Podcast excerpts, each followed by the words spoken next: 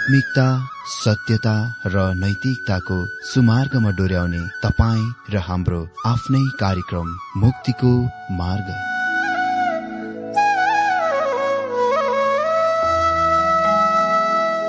आदरणीय श्रोता यस मुक्तिको मार्ग कार्यक्रममा हार्दिक स्वागत छ। आशा छ यस आत्मिक कार्यक्रमद्वारा जीवनमा आत्मिक आशिष अलौकिक शान्ति र आनन्द प्राप्त गर्नुहुनेछ। र जीवनमा धन्य अनुभव गर्नुहुनेछ। आउनुहोस् श्रोता। मन र आत्माको तयारीको लागि यो मिठो अनि मधुर भजन गीत सुनौ।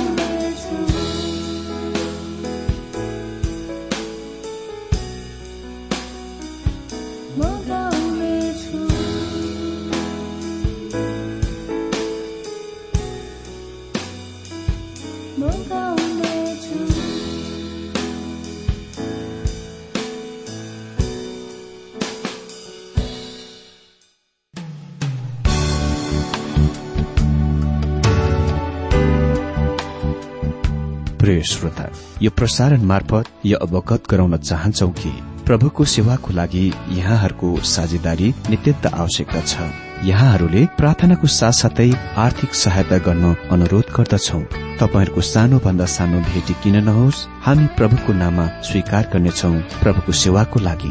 तपाईँहरूको यो सानो लगानीले कसैको जीवनमा भिन्नता ल्याउँछ अनि प्रभुको महिमा हुन्छ। प्रभु तपाईँहरूलाई महान गरी आशिष दिनुहुनेछ। इच्छुक श्रोताहरूले तपाईँको इच्छा भेटी हाम्रो ठेगानामा पठाउन सक्नुहुन्छ जुन ठेगाना हामी कार्यक्रमको अन्तमा दिनेछौ। प्रिय श्रोता प्रभु येशु ख्रिष्टको मधुर अनि सामर्थ्य नाममा मेरो जयमसी साथै हार्दिक स्वागत छ आजको यो बाइबल अध्ययन कार्यक्रममा। श्रोता म आशा गर्दछु तपाईँ सबै आनन्द कुशलै हुनुहुन्छ होला। र आज पनि बाइबल अध्ययनको लागि आफ्नो रेडियोको सेटको सामुने आइपुगिसक्नु भएको छ होला। श्रोता म पनि तपाईँहरूसँगै तयारीको साथमा आइसकेको छु। धेरै धेरै धन्यवाद तपाईँहरूका सुन्दर पत्र अनि एसएमएसको लागि फोन कलको लागि अनि तपाईँहरूका सहायताको लागि पनि। श्रोता आशा गर्दछु कि यसरी नै तपाईँहरूले आफ्ना सुझावहरू आफ्ना प्रतिक्रियाहरू र आफूले सिकेका वा आशिष प्राप्त गरेका कुराहरू हामीलाई बाँडचुड गर्न भुल्नुहुने छैन। हामी पनि तपाईँहरू प्रत्येकलाई सधैँ नै हाम्रो प्रार्थनामा याद गर्छौं। विशेष गरेर ज जसले आफ्ना प्रार्थनाका विषयहरू हामीलाई पठाउनु भएको छ। हामीले परमेश्वरमा उठाइरहेका छौं र धेरै खुसी लाग्छ कि कति प्रार्थनाका विषयहरू हामीले जुन प्रार्थना गरेका थियौं तीका उत्तरहरू प्राप्त भइसकेका छन्। परमेश्वरलाई धन्यवाद होस्। अनि तपाईँहरूका प्रार्थनाका विषयहरू निर्धक्क रूपमा हामीलाई पठाउन सक्नुहुनेछ। हामी सदैव तपाईँहरूको लागि प्रार्थना गरिदिनेछौ। साथै यो कार्यक्रम तपाईँ साथसाथै आफ्ना परिवारहरू आफ्ना साथीभाइहरू आफ्ना मण्डलीका विश्वासीहरूलाई पनि सुनाउन उत्साह दिनुहोला र पत्रचार गर्न उहाँहरूका सुझावहरू हामीलाई प्राप्त हुन सकेको होस् हामी यो चाहन्छौ। र यसरी हामी सबै परमेश्वरको वचन अध्ययनद्वारा आशिषित हुन सकेका हौ। हुन्छ श्रोता अब हामी आजको बाइबल अध्ययनतिर लागौं। आज हामी बाइबल अध्ययन आमोस आठ अध्यायबाट सुरु गर्न गइरहेका छौं। यो आठ अध्यायको मुख्य विषय हो ग्रीष्म ऋतुको फलको डालोको दर्शन। ग्रीष्म ऋतुको फलको डालोको दर्शन। अनि हामी यो आठ अध्यायबाट आज अनि अर्को दिन पनि देख्नेछौ।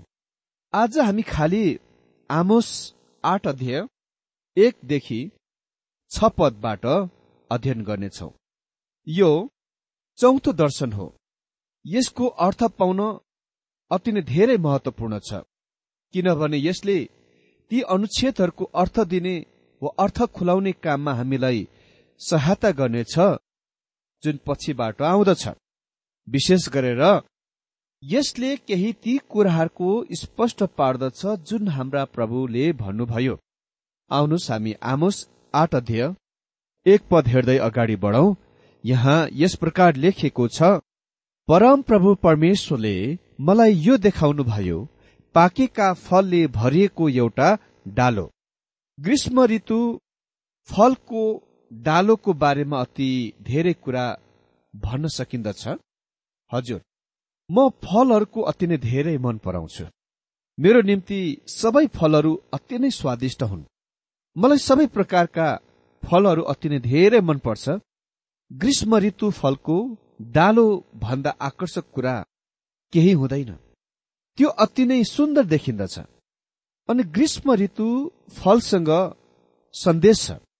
सर्वप्रथममा ग्रीष्म ऋतु फलको डालोले फसलको प्रतिनिधित्व गर्दछ। यसले हामीलाई भन्दछ कि रुखले कति पनि फल फलाइरहेको छैन। मेरो आँपका रुखहरूले गत बितेको ग्रीष्ममा अति नै धेरै र सुन्दर आँपहरू दिएथ्यो। तर अहिले त्यहाँ रुखमा फलहरू छन् कि भनी हेर्न जान कति पनि आवश्यक छैन। वा हेर्न जान पर्दैन। हाँगाहरू नाङ्गा र शून्य छन्। त्यहाँ फलहरू छैनन्। फसल गइसकेको छ। अर्को वर्ष नयन्जेलसम्म त्यहाँ कुनै फल हुने छैन। यसरी हामी देख्छौ यद्यपि ग्रीष्म ऋतु फलको डालो अति नै सुन्दर र स्वादिष्ट भए तापनि यसले फसलको अन्तको पनि बताउँदछ। ग्रीष्म ऋतु फलको डालोले हामीलाई शीघ्र सड्ने कुरा वा शीघ्र चाँडै खराब हुने कुराको पनि बताउँछ। अ बितेको ग्रीष्म ऋतुमा एक्काइस दिनको छुट्टीमा हामी पूरा परिवार बाहिर गएका थियौं र हामीले आफ्नो घरको ताला लगाएर छोड्यौं। तर हामीले फलहरूले भरेको डालोलाई बिर्सेछौँ खानलाई। त्यहाँ अङ्गुरहरू र केलाहरू र अन्य ग्रीष्मकालीन फलहरू थिए। यो हामीलाई यादै भएन। जब हामी एक्काइस दिनपछि वापस फर्किआएर आफ्नो घरको ताला खोल्दा त ओहो अति नै नराम्रो सडेको गन्ध हाम्रो नाकभित्र पस्यो। किनकि ती डालोका फलहरू नराम्रो गरी सडेका थिए। मित्र त्यो दुर्गन्ध पूर्ण रूपमा हाम्रो घर कोठाबाट हटाउनलाई करिब एक हप्ता लाग्यो। ग्रीष्म ऋतुको डालोमा सन्देश छ। परमेश्वरले हामीलाई नाटकीय र अलङ्कारिक नमुनाहरू दिनुहुन्छ। भनिएको छ परमप्रभु परमेश्वरले मलाई यो देखाउनु भयो पाकेका फलले भरेको एउटा डालो। अनि दुई पदमा उहाँले मलाई सोध्नुभयो आमोस त के देख्दछस्? मैले जवाब दिएँ पाकेको फलले भरिएको एउटा डालो। तब परमप्रभुले मलाई भन्नुभयो मेरो प्रजा इसरायलको लागि समय पूरा भएको छ। म अब तिनीहरूलाई छोड्ने छैन। हामीले अध्याय सातमा परमेश्वरको दण्ड देखेका थियौं र आमुसले त्यस बेला इसरायलीहरूको जीवनको लागि प्राणको लागि बिन्ती गरे प्रार्थना गरे परमेश्वरसँग। र परमेश्वरले आफ्नो विचार मनलाई बदल्नुभयो। र दण्डबाट आफ्नो हातलाई हटाउनुभयो। तर अहिले ग्रीष्म ऋतु फलको डालोले यो संकेत गर्दछ पाकेको फल यो संकेत गर्दछ कि फसल व्यतीत वा गतकालीन छ। फसल कटनी पूरा भइसकेको छ। उत्तरी राज्य इसरायल अन्तको रेखातिर आइसकेको छ। दण्ड आउने छ। फसल त्यसको संकेत हो। जबकि फसलले दण्डको समयको बताउने भएकोले गर्दा र कुनै युगको अन्ततिर त्यो खस्ने भएकोले गर्दा म सोच्दछु कि हाम्रा प्रभुले भन्नुभएको केही कुराहरूको अभुजाई गरिन्दछ। यदि फसलको मतलब वास्तवमा के हो सो हामीले बुझ्दैनौ भने। यसो प्रभुले आफ्ना चेलाहरूलाई भन्नुभयो मती नौ अध्यय सैतिस र अडतिस पदमा साँच्ची नै फसल प्रशस्तै छ तर खेतालाहरू थोरै छन्। यसकारण तिमीहरूले फसलका प्रभुलाई उहाँले आफ्नो फसलमा खेताला पठाइदिउन् भनी प्रार्थना गर। हाम्रा प्रभु युगको अन्तमा बोलिरहनु भएको थियो जब व्यवस्थाको युग अन्ततिर आइरहेको थियो। ख्रिस्ट क्रुसमा जानुहुने थियो। उहाँले भन्नुभयो उहाँलाई इसरायल कहाँ जानलाई खेतलाहरूको आवश्यक थियो। क्रुसमा उहाँको मृत्युपछि यो बिल्कुलै अलग बेग्लै तस्विर हो। यो अनुग्रहको युगको लागि उहाँले बिउ छर्ने किसानको दृष्टान्त दिनुभयो। बिउ छर्ने किसान बिउ छर्न गए। मर्कुस सोह्र अध्यायको पन्ध्र पदमा भन्नुहुन्छ सारा संसारमा जाओ र सुसमाचारको प्रचार गर। यो नै हाम्रो युगको सन्देश हो। अर्थात् अनुग्रहको युगको सन्देश। पूरा संसारमा जाओ र बिउको छरौं। यो समय परमेश्वरको वचनको बिउ छर्ने समय हो। तपाईँ र मेरो काम परमेश्वरको वचनको बिउ छर्नु हो। अनि मानिसहरूलाई मन परिवर्तन गरेर विश्वासमा ल्याउने काम प्रभुको हो। हामी विश्वास गर्दछौ कि परमेश्वरको आत्माले परमेश्वरको वचन लिनुहुन्छ र परमेश्वरको सन्तान बनाउँछ। हामी खाली बिउ छर्नेवालाहरू हौ। फसलले दण्डको बताउँछ। यसले युगको अन्तको बताउँछ। आज हाम्रो काम बाहिर परमेश्वरको वचन दिनु हो वा बाहिर गएर वचनको बिउ छर्ने अन्तिम पद। परम प्रभु परमेश्वर भन्नुहुन्छ त्यस दिन मन्दिरका गीतहरू रुवावासीमा परिवर्तित हुनेछन्। लासहरू चारैतिर फालिनेछन्। चुप लाग। परमेश्वरको स्तुति प्रशंसाको लागि स्थान विलाप र शोकको स्थानमा परिवर्तन हुनेछ। परमेश्वरको सामने खुसी हुने हर्ष गर्ने स्थान रुवावासीको स्थान हुनेछ। मारिएका लासहरू जताततै छरपट्ट छरिएको अवस्थामा हुनेछ। यो अति नै भयानक डरलाग्दो भविष्यवाणी हो।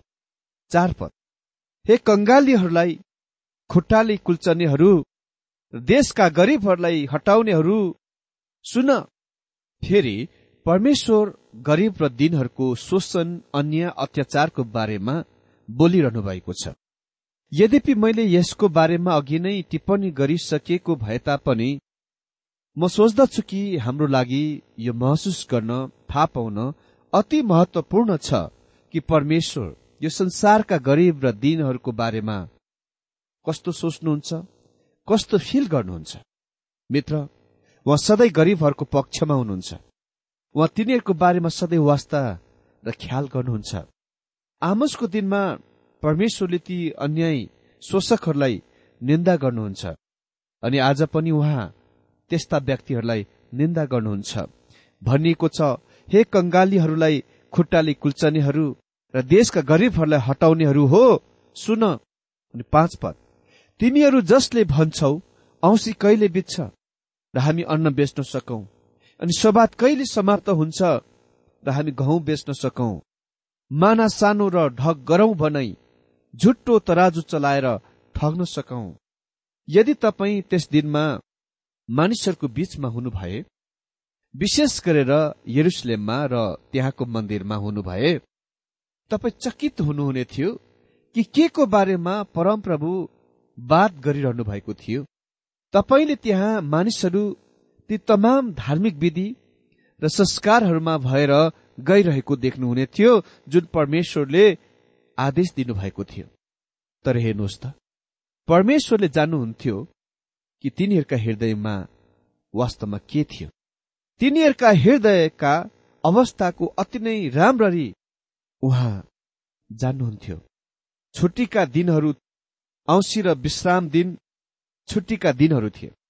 जुनमा व्यापार कारोबार गरिँदैनथ्यो परमेश्वर भनिरहनु भएको छ कि जब धनी परमेश्वरलाई स्तुति प्रशंसा गर्न मन्दिरमा जान्थे तिनीहरू अति नै धेरै लालची र लोभी थिए कि तिनीहरू अर्को दिनको व्यापारको बारेमा सोचिरहेका थिए र तिनीहरू आफ्ना ग्राहकहरूलाई ठगेर धेरै पैसा कमाउन सक्थे। तिनीहरूले खालि पूरा हप्ताभरि आफ्ना पापहरूको अभ्यास मात्र गर्दैनथे। तर तिनीहरूले मन्दिरमा पनि त्यसको मनमा लिएर जान्थे। ओ त्यस दिनमा इसरायलको यो तस्विर कस्तो तस्विर हामीलाई दिइएको छ? अनि यो धेरै आधुनिक मानिसहरूको निम्ति पनि बिल्कुल सत्य छ। पाँच पदमा लेखिएको छ तिमीहरू जसले भन्छौ औसी कहिले बित्छ र हामी अन्न बेच्न सकौं? अनि सवाद कहिले समाप्त हुन्छ र हामी गहुँ बेच्न सकौं? माना सानो र ढक गरौं बनाई झुटो तराजु चलाएर ठग्न सकौंला। गरीबहरू त्यस दिनमा आफैलाई पनि दासोत्वमा बेच्दथे। यो अभ्यास त्यस मुलुकमा मुसाको व्यवस्थाको अन्तर्गत अनुमति दिइएको थियो। तिनीहरूले अति नै धेरै खाँचोमा हुने गरीबहरूलाई एक जोडा जुत्ताको लागि किन्दथे यसको मतलब तिनीहरू कति सस्ता थिए। वास्तवमा ती धनीहरूले मौकाको फाइदा उठाइरहेका थिए अनि तिनीहरूले कुहेका गहुँ गरीबहरूलाई बेच्दथे हेर्नुहोस् त ती धनी मानिसहरू कति धेरै शोषकहरू एक किसिमले सीमादेखि बाहिर शोषण गरिरहेका थिए। अत्याचार अन्य गरिरहेका थिए। अनि परमेश्वर ती अत्याचारीहरू ती शोषकहरूलाई त्यसै छोड्नु हुने छैन।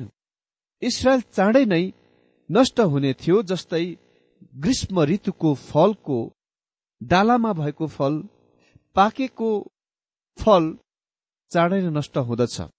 कारण तिनीहरूका शोषण मित्र परमेश्वर सधैँ गरिब दिन दुखीहरूको पक्षमा हुनुहुन्छ। उहाँ तिनीहरूको ख्याल र वास्ता गर्नुहुन्छ। परमेश्वरले तिनीहरूमाथि पठाउनु हुने दण्ड हामी सातदेखि चौध पदमा देख्छौ। लेखिएको छ यहाँ याकुबको गर्भमा परमप्रभुले यसो भनेर शपथ खानुभएको छ। म तिनीहरूले गरेका कुनै पनि कामलाई कहिले बिर्सने छैन।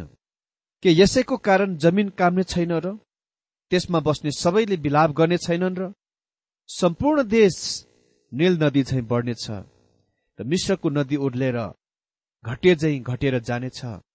परमप्रभु परमेश्वर भन्नुहुन्छ त्यस दिन म सूर्यलाई मध्य दिनमा अस्तै दिनेछु र उज्यालो हुँदै पृथ्वीलाई अन्ध्यारो पारिदिनेछु। म तिमीहरूका धार्मिक चाडहरूलाई विलापमा र तिमीहरूका सबै गीतहरूलाई रुवाईमा परिवर्तन गरिदिनेछु। म तिमीहरू सबैलाई भाङ्र लाउन र कपाल खौरन लगाउनेछु। एउटै मात्र छोराको निम्ति विलाप गरे झै त्यस समयलाई तुल्याउनेछु। त्यसको अन्त्य तितो हुनेछ। परमप्रभु भन्नुहुन्छ यस्ता दिनहरू आउँदैछन् जब म देशमा अनिकाल ल्याउनेछु। जुन चाहिँ न त अन्नको अनिकाल न पानीको तिर्खा हो तर परमप्रभुको वचन सुन्ने तृष्णाको अनिकाल हुनेछ। मानिसहरू परमप्रभुको वचनको खोजीमा एक समुद्रदेखि अर्को समुद्रसम्म र उत्तरदेखि पूर्वसम्म धर्म रिँदै हिँड्नेछन् तर तिनीहरूले त्यो पाउने छैनन्। त्यस दिन सुन्दरी तरुणीहरू र बलिष्ठ जवानहरू तिर्खाले मूर्छा खानेछन्। सामर्यको शर्मको नाउँमा शपथ खाने अथवा हे दान तेरो देउता जीवित भए झै वा बिर्सेवाका देउता जीवित भए झै भन्नेहरू सबै लोट्नेछन् र फेरि कहिले उठ्ने छैनन्। श्रोता यही नै ती इसरायलमाथि परमेश्वरको दण्ड आउन गइरहेको थियो।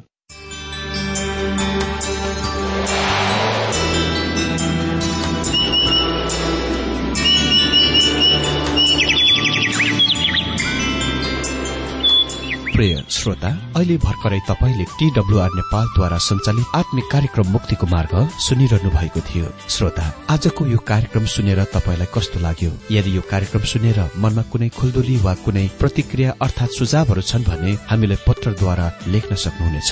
हामी हृदयदेखि नै स्वागत गर्नेछौ स्वीकार गर्नेछौ साथै बाइबल सम्बन्धित प्रचारहरू कार्यक्रम सारणीहरू हामी अनुरोधमा पठाउन सक्छौ। अनि तपाईँसँग कुनै प्रार्थनाको विषय छन् भने हामीले तपाईँको लागि प्रार्थना गरेको चाहनुहुन्छ। चाहनुहुन्छ भने प्रभुमा आफ्नै परिवार सम्झेर हामीलाई पत्रमा लेख्न सक्नुहुनेछ। तपाईँको लागि हामी प्रभु येशुसँग प्रार्थना गर्नेछौ। अधिक जानकारी र पत्रचारको लागि हाम्रो ठेगाना यस प्रकार छ। कार्यक्रम मुक्तिको मार्ग जीपीओ नम्बर उनानब्बे पचहत्तर इपिसी पच्चिस एकसठी काठमाडौँ। ठेगाना एकपल्ट सुन्नुहोला। कार्यक्रम मुक्तिको मार्ग जीपीओ नम्बर उनानब्बे पचहत्तर इपिसी पच्चिस एकसठी काठमाडौँ। हाम्रो इमेल एड्रेस हो TWR Nepal at Yahoo dot com. साथै यस नम्बरमा एसएमएस गर्न सक्नुहुनेछ। अन्ठानब्बे चार सत्तरी पैतिस छ सय उनासी नौ आठ चार सात जिरो तीन पाँच छ सात नौ। हुन्छ श्रोता आजलाई हामी विदा चाहन्छौ। अर्को कार्यक्रममा हामी पुनः भेट्नेछौ तबसम्मलाई नमस्कार।